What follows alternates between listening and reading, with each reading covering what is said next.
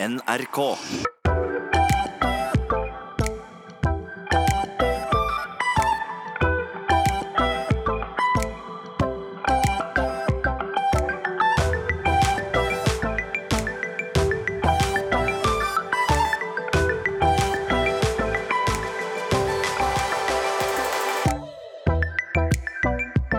Helt siden jeg fikk en stemme, har jeg vært bestemt på å bruke den til å spre kunnskap og bevissthet. Det gir meg veldig mye, men det krever også ekstremt mye av meg. Jeg mener at hvis man har en stemme i offentligheten, så bør man bruke den konstruktivt og være et godt eksempel for andre. Selv om du ikke nødvendigvis har bedt om det ansvaret, så må du ta det. Og det er tøft, men du må orke å stå i det. Men det er jo ikke alle som er enig med meg.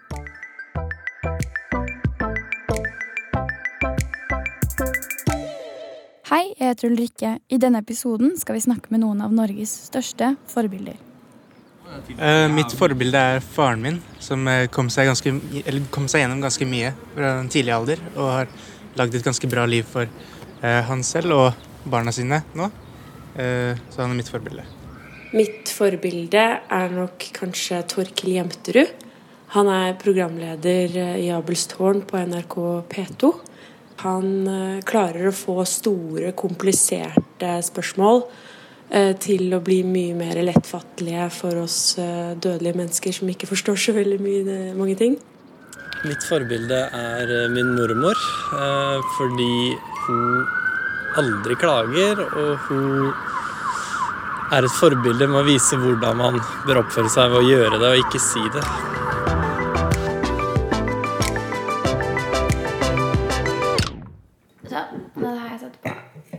Syns alltid det er så interessant å komme hjem til folk og se hvordan bøkene Ja, men jeg så Det var det første du gjorde. Ja. Å se på bøkene. Sofia Elise har skrevet en bok om det å være et forbilde.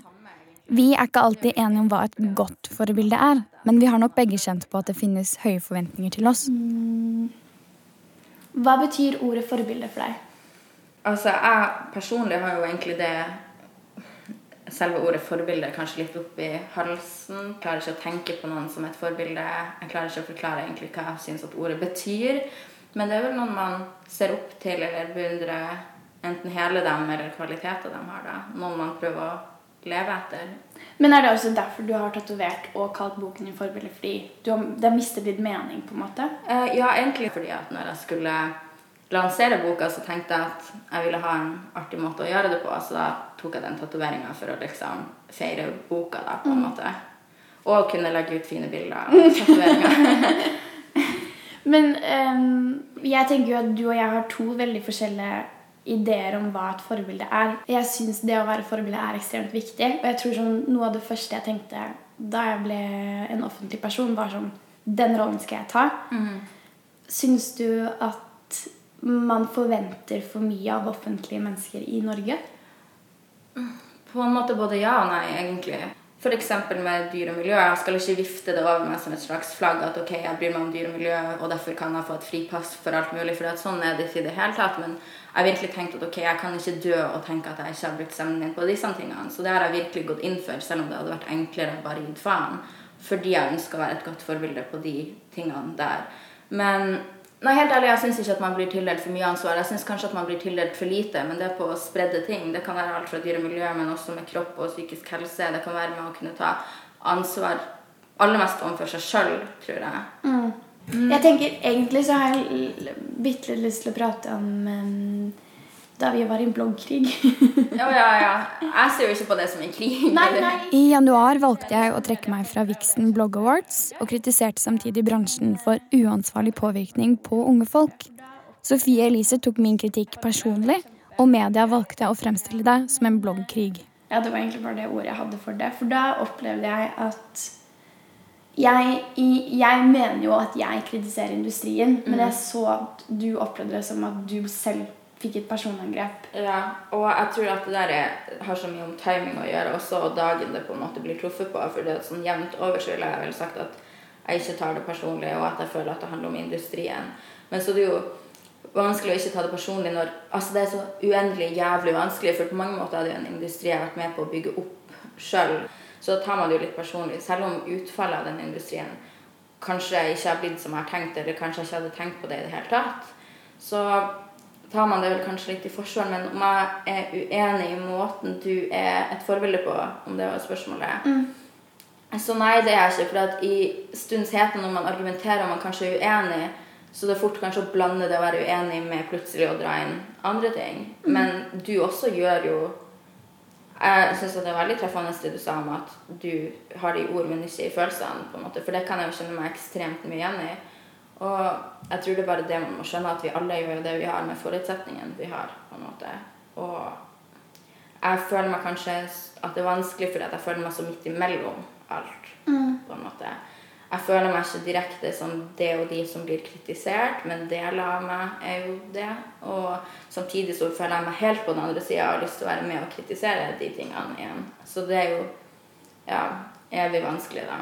Og da har det noen ganger kommet en liten rebell i meg som er sånn Fuck it, jeg skal legge ut liksom bildene her, og jeg skal si disse tingene her, sånn være liksom deilig og holde på med det der. Men hvem gjør jeg det for? Det er jo ikke for min egen del å hjelpe noen, det er jo heller ikke. Det er jo bare en sånn rebelsk tanke som kommer da noen gang, fordi at man får en liten sånn som sikkert er den mobbeofferet inni meg som stikker frem da, og skal vise fingeren til ting, liksom. Men er du bevisst det i eh, stundens hete? Fordi du virker jo så utrolig reflektert over alt det du eh, utleverer av deg selv. Jeg har ikke reflektert over alt jeg eh, utleverer av meg sjøl, nei. Eh, og jeg tenker at hvis man f.eks. hadde scrolla gjennom Instagrammen min, eller sånn, så hadde man nok sikkert funnet Det er jo en tanke eller en følelse bak alt som blir posta der, men det er jo ikke alt som er så reflektert eller godt for noe, på en måte. Nei. Og jeg kan jo også For eksempel, mange av de tingene jeg poster, kommer jo fra et veldig egoistisk perspektiv også. Det er det sosiale medier Ja, blir skapt for. Ja, og hvis jeg legger ut et fint bilde av meg sjøl, så er det veldig ofte fordi at jeg kanskje mm, tenker at jeg i svake øyeblikk at det er kanskje alt jeg har å by på, da. Eller komme med på et vis. At ordene mine veier ikke tungt nok pga. ting jeg har gjort, eller på hvordan jeg ser ut, eller liker å se ut, mens kroppen min kan jeg på en måte poste der. Hvis det gir noen mening. Og det er jo de tingene som ikke har noen refleksjon bak seg. Det er jo bare en følelse. En usikkerhet, da. Men syns du jeg kan kreve av deg at du burde reflektere over det? Mm. Du kan ønske det, Jeg gjør det. men uh, man kan jo kreve Jeg vet ikke, men Jo, du kan kreve det, men da føler jeg at måten det blir krevd på eh, For at mm, med min måte å handle på, og det er jo jeg nødt til å være bevisst på, er at når ting blir krevd og putta på meg, så kommer det en liksom det sånn Ja, totalt motsatt igjen. Jeg, jeg har masse premisser som jeg plutselig bare glemmer fordi en dag kan være vrien, eller eh, det kan ha vært for mye dritt akkurat den. Ja. Ja, og så rettferdiggjøre det overfor meg sjøl også, fordi at for eksempel da, det må være et godt eller et dårlig forbilde. Da. Um, jeg personlig har problemer med å gå på uh, Explore på Instagram, der man kan se bilder av uh, tilfeldige folk. fordi at da kan det være folk jeg ikke følger, eksempel, og er bevisst på å ikke følge, som jeg plutselig ser, som jeg kanskje sammenligner meg med, og så gjør at jeg føler meg dritt. og jeg er jo klar over at folk kan føle det av å se på meg også. Men så kommer jo den indre dialogen. Men jeg vet jo at jeg har det dritt, og jeg vet at livet mitt ikke er bra, og det trenger de ikke å gjøre. bla bla bla. Men jeg sitter jo likevel og sammenligner meg med andre, da. Og Men det er jo veldig um, Og nå kan det hende jeg går inn på kritikk her, men det er jo veldig tvetydige signaler. Du er utrolig åpen om den psykiske helsen din, samtidig som alt på sosiale medier og bloggen handler om utseende fort. ja, jeg føler ikke at Ok, eh, jeg føler på en måte ikke at alt på bloggen og sosiale medier eh, gjør det, men det kan det godt hende at det gjør. at jeg sitter jo med alle tankene og følelsene bak det jeg poster. Men når man ser det, kan det godt hende at det virker sånn, og da er det jo sånn. Men for meg så handler jo utseendet mye om kontroll. At det har vært så mye i mitt liv jeg ikke kan kontrollere. Og i og for seg være følelsene mine, som jeg har slitt veldig mye med. Den konstante redselen. Tingene jeg blitt utsatt for, som seksuelt misbruk og, å bli utestengt. Og, og den offentlige rollen. Masse ting jeg ikke kan kontrollere. Men utseende har vært en ting jeg til en viss grad kan kontrollere. Og de bildene jeg legger ut, kan jeg på en måte kontrollere. Eller la oss si når jeg bestemte meg for å ta silikon, da. eh, så var det jo så klart ikke akseptert hjemme i det hele tatt. Jeg, mamma og pappa sa at de skulle kaste meg ut, og jeg var lik meg sjøl, holdt jeg på å si personlighet. Jeg var sånn Ja, ja, da får dere bare gjøre det, da, liksom. Og sto på mitt, og da føltes det på en rar måte befriende, fordi at da var det første gang i mitt liv at jeg tok et valg som var bare mitt, og jeg gjorde det for min del. Men, men der er du jo helt ærlig. Du valgte utseende. Men er det bra at vi har redusert mennesker til hvordan de ser ut utenfra? Ja, det syns jo heller ikke jeg noe om at man har redusert mennesker til hvordan de ser ut. Men du har redusert deg selv. Mm, at jeg er hvordan jeg ser ut. Mm. Jeg føler egentlig ikke det, at jeg har redusert meg til hvordan jeg ser ut. Egentlig på en måte litt tvert om. At det er mer sånn at ok, hadde jeg kanskje ikke brukt sminke da, og ikke brydd meg om hvordan jeg ser ut, så ingen som hadde brydd seg om mine mediocre meninger om palmeolje, for da hadde det på en måte vært forventa at jeg skulle kunne disse tingene. Men siden det kom fra på en måte intet, så fikk det en slags verdi da. Mm. Føler at det er mulig å ha et sunt forhold til utseendet sitt og bry seg om på en måte å ville ha mye sminke og blondt hår, og du kan ha silikon og ha et sunt forhold til hvordan du ser ut. Det tror jeg er mulig. Akkurat som at du kan ha mye penger og et sunt forhold til det, men det kan også være totalt ødeleggende. da. Og jeg tror det finnes en silver lining der, og den har jeg gjerne lyst til å oppdage, for jeg har kjempelyst til å fortsette å ha den tida på badet der jeg syns det er medit meditativt på en eller annen slags måte å sminke meg, og det er liksom min tid. Jeg har lyst til å beholde den, men jeg har ikke lyst til at den skal være make it or break it for hvordan jeg har det, og at det skal være det jeg føler jeg har å presentere til verden. Det er ikke det. Det er ikke det eneste jeg føler jeg har å presentere, men det er mitt sikkerhetsnett. Når jeg føler at jeg har ingenting, så føler jeg at det er min sikkerhet, på en måte.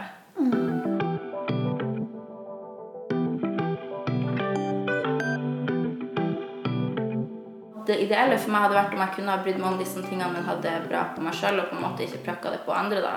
Eh, Men valgene om hvordan jeg framstår og frem, eh, er som person ute av det har jo blitt forma av meningen andre har hatt om meg, da. Hvis det gir noe mening. Det er Jo, liksom absolutt. ja, og jeg har på en måte blitt vant til å bli redusert til utseende. På mange måter har jeg kanskje tenkt at det kunne vært en styrke eller noe jeg kunne ha brukt til min fordel, da, som også på sett og vis mange ganger kanskje har blitt mitt eget fengsel. da. Sofie, Elise og jeg er egentlig enige om mye. Vi har de samme prinsippene i bunn og grunn. Det er jo bare det at Sofie tilhører en annen bransje som fokuserer på utseendet på en litt annen måte. Og jeg skjønner at det føles som et fengsel, men jeg håper hun velger å bruke det til sin fordel. Jeg har møtt programleder Noman Mobashir, som har vært i offentligheten siden jeg var liten. Han tilhører en litt annerledes tid og var et viktig forbilde for unge muslimer og pakistanere i Norge på 2000-tallet. Hva liker du aller best med jobben din? Det jeg liker aller best, er å fortelle historier. Det å, jeg syns det er et privilegium å møte mennesker Uh, og fortelle historien deres. Nå skal vi ha historien din. Ja, nå skal du ha min historie, og jeg Yes. syns alltid det er litt rart. Ja. Mm. For 20 år siden så kom det på TV, og på den tiden så var det veldig nytt at Ja. en med pakistansk eh, bakgrunn var på TV. Og det var veldig spennende, men jeg visste jo ikke at man skulle få så mye oppmerksomhet. Fordi jeg, ingen fortalte meg det. Det var ingen som sa det til meg i NRK. Når, når du kom på TV, da blir det mye oppmerksomhet. Og det, jeg fikk jo ekstra mye, fordi jeg, kanskje fordi jeg var både ung og hadde et utseende som ikke var vanlig på TV på den tiden. Vi snakker om 1998. Uh, og så husker jeg veldig godt jeg kom på Oslo City. Jeg skulle handle der etter å ha vært på TV et par uker. Og så sto det masse damer der. Og de begynte alle å se på meg, og begynte å glane og le og vinket. Og så kom de plutselig bort. 'Hei, er det ikke du som er på TV?' Jeg bare 'ja'. 'Å, det er så fantastisk å se en mørkhudet på TV'. liksom. Jeg bare 'ja, tusen takk'. Dette var før sosiale medier.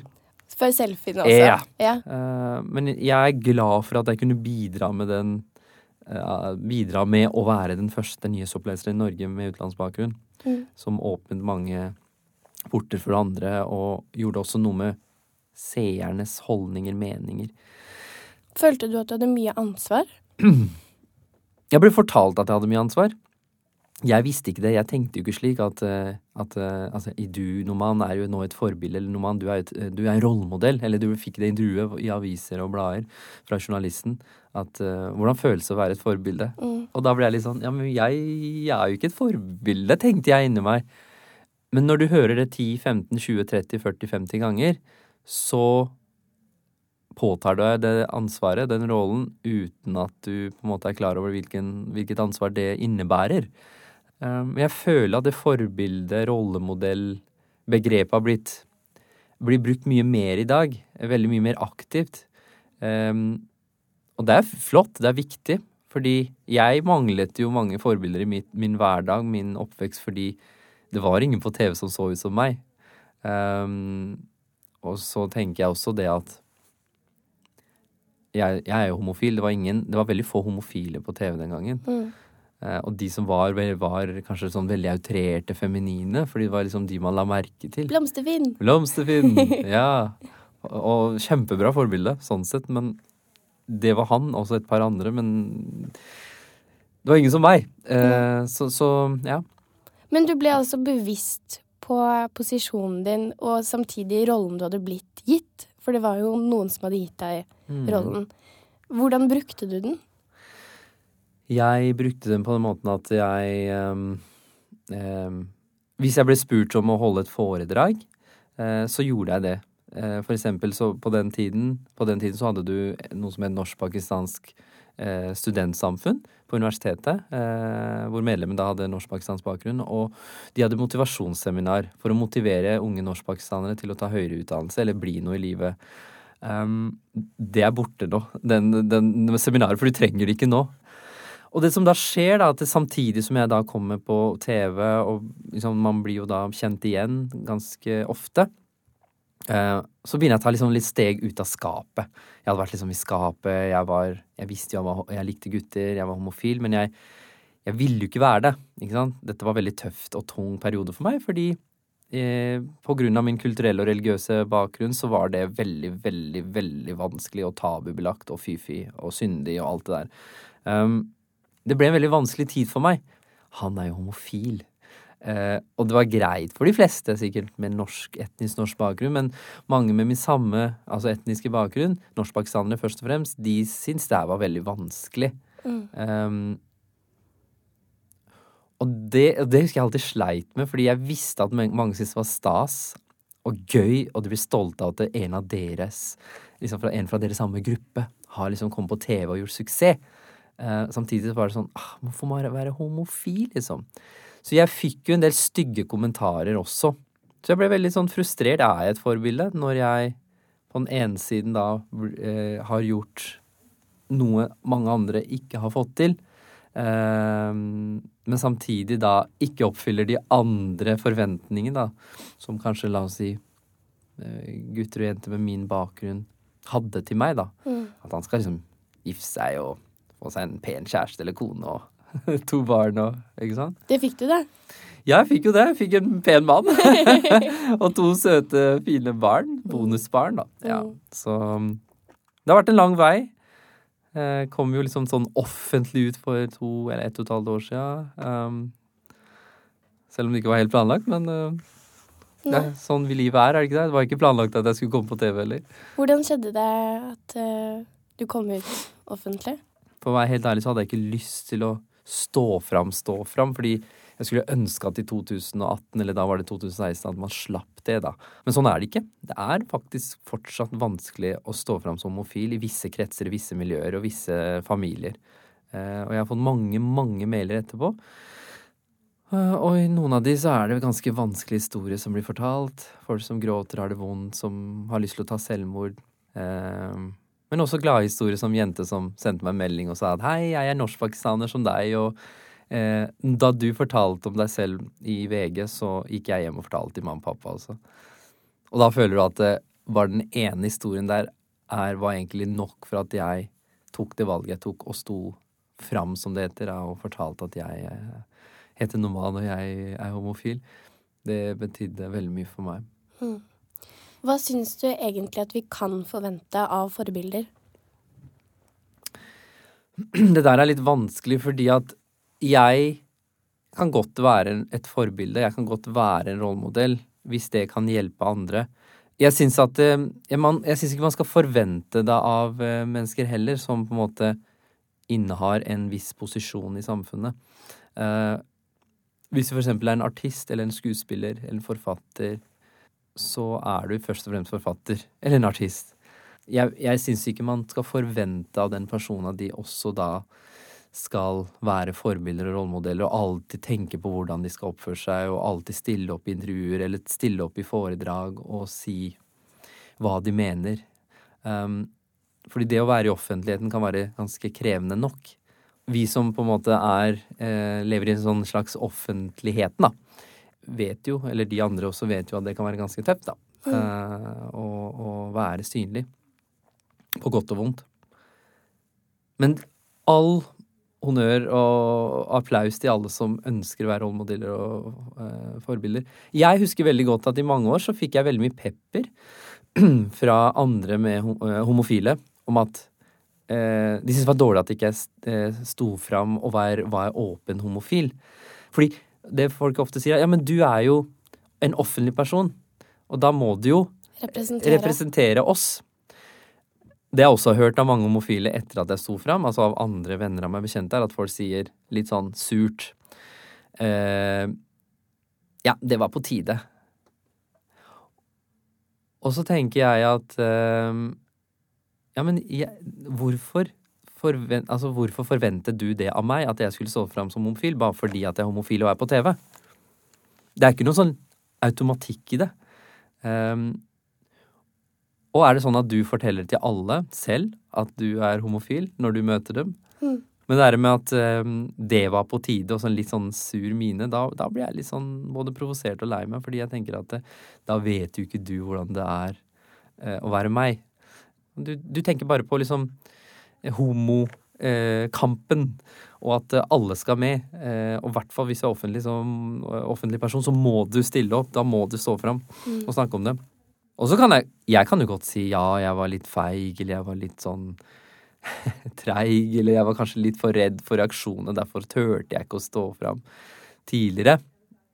Um, men jeg tror ikke jeg var moden nok, og jeg tror ikke min omgivelse var moden nok eh, da jeg på en måte for 20 år siden kom på nyhetene. Mm. Jeg er jo åpen blant med mine venner og min familie. Det må da holde. Jeg må, det er ingen, hvorfor må jeg stå fram for hele Norge og være liksom homonoman resten av livet? Selv om jeg forstår at det er viktig. Men jeg, liksom, jeg hadde ikke lyst, jeg vet det er viktig, men likevel så syns jeg ikke at det er noe som på en måte skal forventes av meg. At, eh, at de skal eie min historie uh, og, og, og, mitt liv, på en måte. Du sier, og det forstår jeg veldig godt, og det syns jeg det står respekt av, fordi dette begrepet forbilde, at vi legger ansvar på mennesker mm. som er i offentligheten, vi har tatt eierskap til deres historie. Vi, vi krever at de er åpne. Mm. Det er jo også noe som har skjedd med psykisk helse, det å stå frem med det. Alle gjør det. Mm. Det er noe vi har krav på å vite. Eh, og så syns jeg det er flere i offentligheten som absolutt kunne hatt godt av å beskytte seg selv. Så det syns jeg det står veldig respekt av. Takk. Men uh, ja. Det høres ikke helt sånn rart ut å si, men vi, ja, vi trenger flere forbilder. Det trenger vi alltid. Jeg må ærlig innrømme å si at jeg vil eh, benytte meg av denne anledningen til å igjen si at vi trenger åpne homofile fotballspillere. Virkelig. De fins der ute, det vet vi. Mange slutter dessverre fordi eh, den på en måte sjargongen i garderoben og på fotballbanen er så hard og tøff. Folk tar den med fra skolegården. Altså hore, bitch, homo. Det blir brukt i skolegården, det vet vi, alle disse ordene her. Og jeg forstår jo da, hvis du er 16 år og er en kommende stjerne, så har du ikke så veldig lyst til å stå fram som homofil da. Selv om du vet at du får masse støtte. Uh, men så likevel så er du redd um, for alle de som ikke vil like at du er homofil.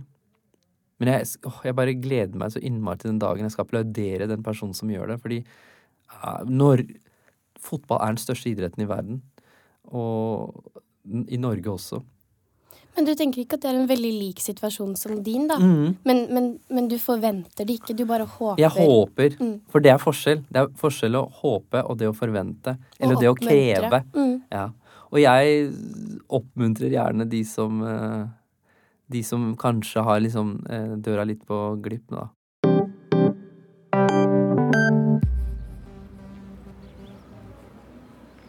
Jeg har vel egentlig ingen forbilder, men hvis jeg skulle hatt noen forbilder, så måtte vel kanskje blitt alle de folka der ute som sliter psykisk, men som uh, tør å gjøre noe med problemet sitt, tør å oppsøke terapi, og som jobber med seg selv hver eneste dag for å møte eh, en tøff hverdag. Ja. Mitt forbilde er mamma, fordi hun klarer å ta vare på de rundt seg og dyrke sine interesser og være seg selv, tross alt. Og leve livet som hun klarer det.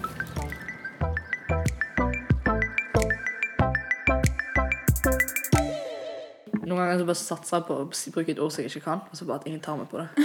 Det gjør jeg hele tiden.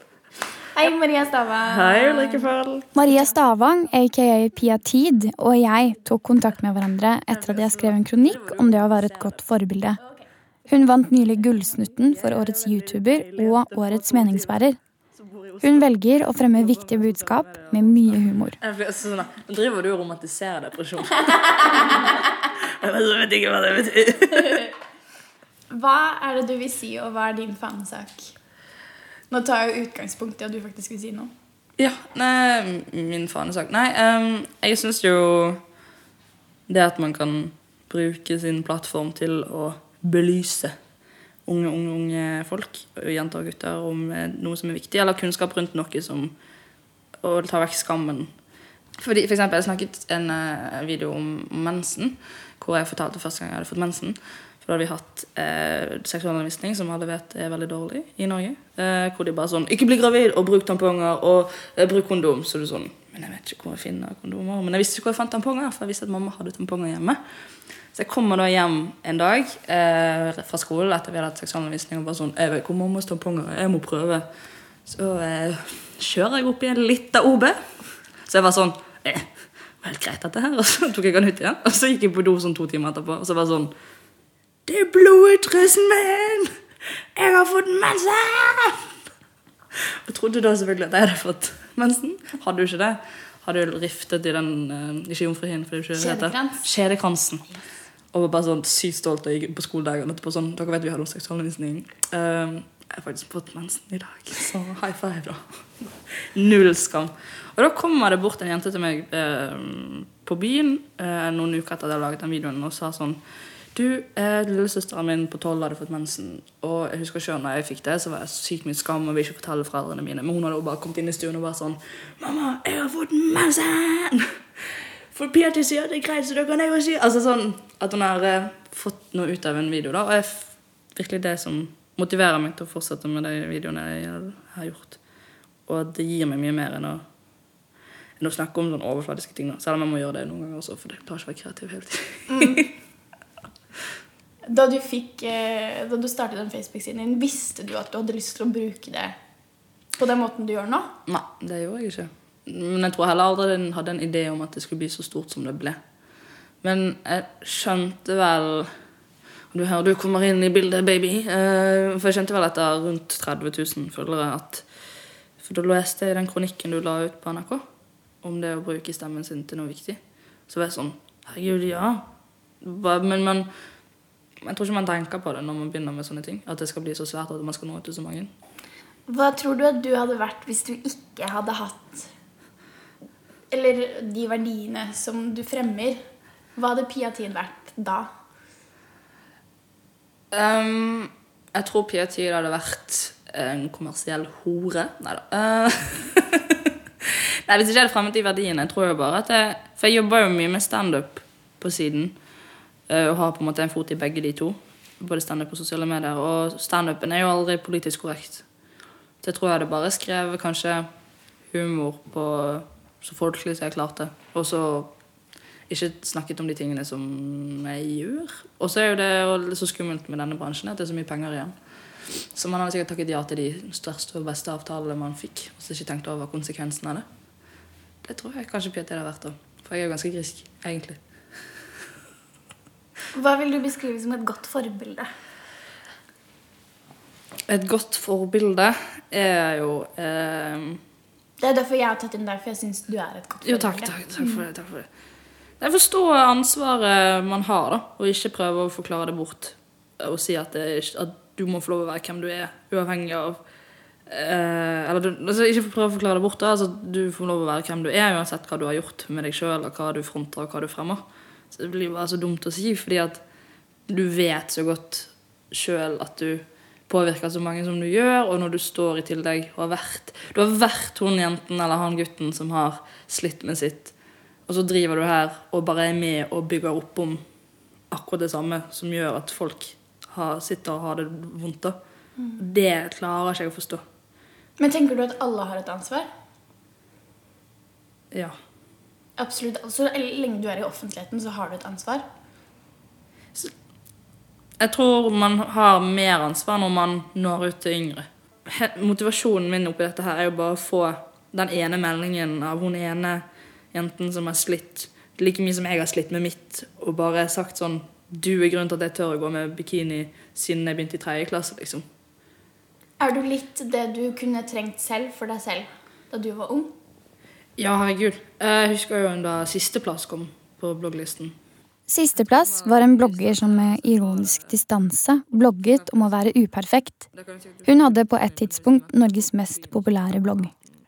Så eh, jeg, jeg tror jeg har hatt henne litt i bakhodet når jeg holdt på med ting. At man på en måte normaliserer det, og at ting ikke alltid er perfekt, og ting ikke alltid er bra. Og du kan stille Legge ut et bilde av deg sjøl i badedrakt uten å si at kroppen min er bra som den er. Du bare gjør det på en måte uten å på en måte poengtere at her kommer jeg og er litt annerledes. Eh, for det var det hun gjorde. Og jeg føler litt i den retningen jeg har lyst til å gå sjøl. Hvordan opplever du å være et forbilde? Hva betyr det for deg? Jeg tror man distanserer seg fra det eksempel hvis man Det kan jo sikkert du kjenne deg litt igjen i, men hvis du møter på folk på byen og sånn, eller på gaten, og så folk er sånn du, 'Det du gjør, er så sykt bra. Du er så viktig.' Og så klarer man på en måte ikke å skjønne det. Eh, Hva får du av tilbakemeldinger? Um, var, det er veldig gøy. Det er jo litt sånn Det er mest, det er mest eh, kjærlighet. Mye kjærlighet. Uh, og så merker jeg at jeg takler kritikk ganske dårlig. Men jeg tror at jeg ikke har fått så mye av det. Men jeg, for det, det er ganske mye kjærlighet, liksom. Det er, folk er veldig fine. Men jeg, jeg, altså, jeg har aldri gått inn på Jodel for eksempel, og drevet og lett etter dritt om meg sjøl. For det jeg tror ikke jeg hadde taklet. Det gjør jeg. ja, men det er der jeg det, det klarer jeg. Men får du noe ut av det? Jeg trodde at jeg var sånn He-he, jeg er så sterk, og jeg tåler dette, og Men jeg er jo ikke det. I det hele tatt. Eller er så bokser deg rett i fitten. liksom. Ja, ja. Du har ikke sjanse til å ta deg inn igjen. Når skjønte du at du var et forbilde? Nei, jeg vet ikke. Det er kanskje når x antall folk kommer bort, eller når x antall folk sender meldinger. Og var sånn 'Du betyr noe for meg.' Og så er jeg sånn 'Nei, det gjør jeg ikke. Jeg vet ikke hvordan jeg tar på meg sokker engang. Jeg kan ikke bety noe for noen.' Altså at du Jeg tror jeg underbygget det sjøl såpass lenge til, helt til det bare skjønte at sånn Jo, Mariann, du kan lage video om det temaet, og folk vil høre på deg. Folk tar deg seriøst. Og så uh, 16.9.2017 så skjønte jeg at jeg var et forbilde. jeg har ingen konkret tid, tror jeg. jeg bare, ja. Det var jo heller aldri målet mitt med å begynne med YouTube. Målet mitt var jo, eller med Facebook eller med sosiale medier, var egentlig bare å få folk til å le. Jeg ville at folk skulle synes at jeg var morsom. Eh, og jeg begynte jo med standup før jeg begynte med sosiale medier også, så det var jo bare sånn Jeg vil, jeg vil at folk skal ha det gøy. Jeg skal være et avbrekk i folks Instagram-feed eller folks Facebook-feed når jeg kommer. Da skal det være morsomt. Og så fant jeg ut at det var veldig gøy å kunne skrive om litt seriøse temaer, men også blande inn humor. Um, men med en gang man på en måte hever stemmen litt da, og tar litt plass, og er, blir viktig, så blir man et forbilde. Og det tenkte jeg kanskje ikke over når jeg begynte med det. Så jeg tror ikke jeg var forberedt på det. Men det er jo veldig hyggelig.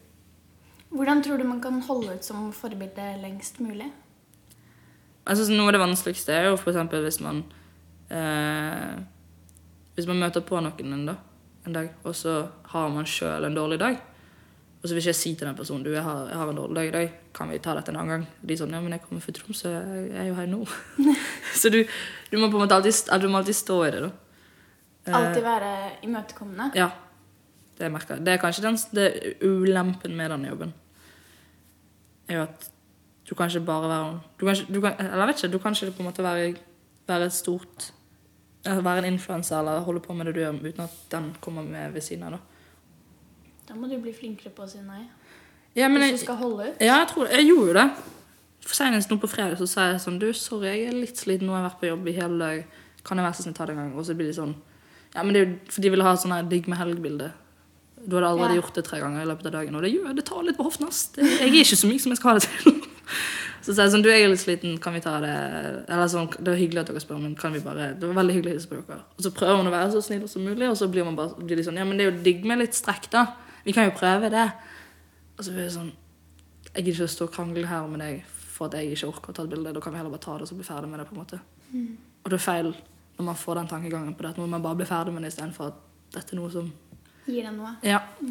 Men det er jo det, du merker veldig på de menneskene som har sett deg et sted og vil ha et bilde med deg, fordi det er fett å ha et bilde av deg på My Story, enn de som faktisk det betyr noe, da. Mm.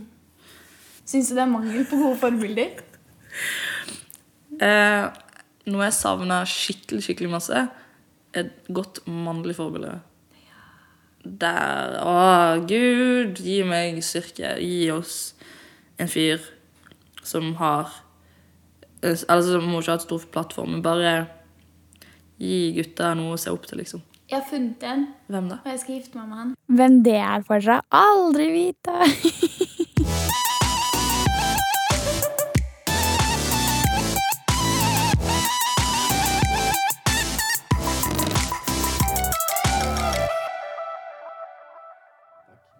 Du og mamma er mine største forbilder. Også Maya Angelou og Winnie Mandela, men de har ikke jeg hatt så mye kontakt med. Og de er begge døde. Hvordan syns du det er å være et forbilde? Nei, jeg syns det som, som pappa, så blir man jo fort eh, Så må man jo være et forbilde. Han bør jo helst gjøre ting på en bra måte. Da du ble pappa som 25-åring, Ja. var det en tanke som dukket opp med en gang? Nei, det var ikke det. Men det er vel ikke sånn bryter som går på, bare 'yes, nå er jeg et forbilde'. Men, men det kom jo sakte, men sikkert, ettersom jeg skjønte at dere eh, så på hva jeg gjorde, og lærte av de tingene jeg holdt på med, så skjønte jeg at eh, det var kanskje greit å Altså, det ble helt naturlig å bare oppføre seg deretter. Men du er jo også et forbilde for mange. Hvordan syns du det er? Er jeg forbildet ditt? Ja, jeg syns jo mange av de tingene du gjør, har jeg blitt skikkelig overraska over. Sånn på en positiv måte tenker 'oi, hadde jeg klart det?' Hm, det tror jeg ikke. Oi. Tenk at forbildet mitt synes jeg er et forbilde. Der ringer det da. um, I motsetning til deg så var det en bryte jeg slo på. Um, men eh, det er jo forskjell på privatliv og offentlig, hvordan jeg viser meg selv utad. Og der har jeg valgt å skru på en bryte og være sånn Jeg har, jeg har masse prinsipper, og det, det er det at jeg Jeg tenker jo på dette og tar ekstremt mye ansvar og bryr meg veldig mye om det. Og så tror jeg nok fort at jeg krever det av andre forbilder også. Ja, det virker som du gjør det. Du er jo kravstor. Mm. Men jeg tror det er viktig, fordi det er noe med at noen ganger så blir man frista til å gjøre ting som kanskje ikke er like bra. Og, og hvis man da har et eller annet sånt prinsipp om at nei, jeg gjør jo ikke sånne ting, så klarer man å stoppe å snakke med seg selv og si nei. Mm. Men det er et stort ansvar å ta, for du kan ikke drite deg så veldig mye ut. Nei. Og det er sikkert sånn at om tre-fire år så kommer jeg til å tenke tilbake på det jeg har gjort, og være sånn oi, der visste jeg jo ingenting. Um, så jeg syns man skal gi slack til de fleste forbildene. Men da skal de også, da skal du som forbilde være ærlig på oi, jeg, jeg gjorde feil. Men gjelder ikke det egentlig bare alle mennesker? At det er, det er en bra holdning å ha? Altså, du gjør så godt du kan, og prøver å ha noen gode prinsipper om å være et bra menneske. Og så hvis du driter deg ut, så sier du unnskyld, og så prøver du å gjøre det bedre neste gang. Men jeg tenker jo at, som du sier, jeg har høye krav til andre forbilder. Um, og det skal jeg prøve å slutte litt med, eller gi mer slack.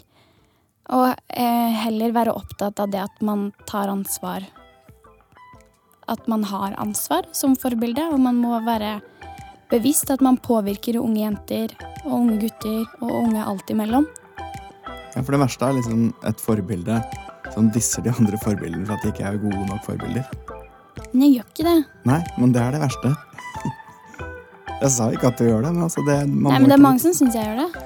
Jeg tenker at det er sikkert flere som syns du gjør det. Du, at du disser andre for at ikke de er bra nok forbilder. Men det er kanskje Nei. noe man må leve med. Ja.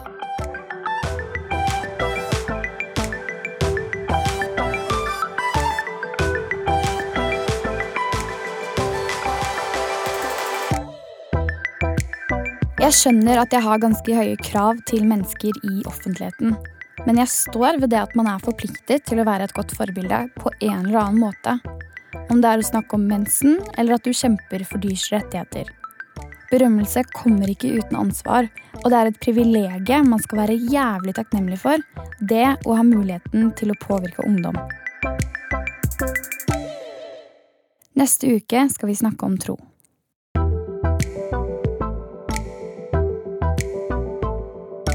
Produsert av Rubicon for NRK. Du finner flere podkaster på p3.no podkast.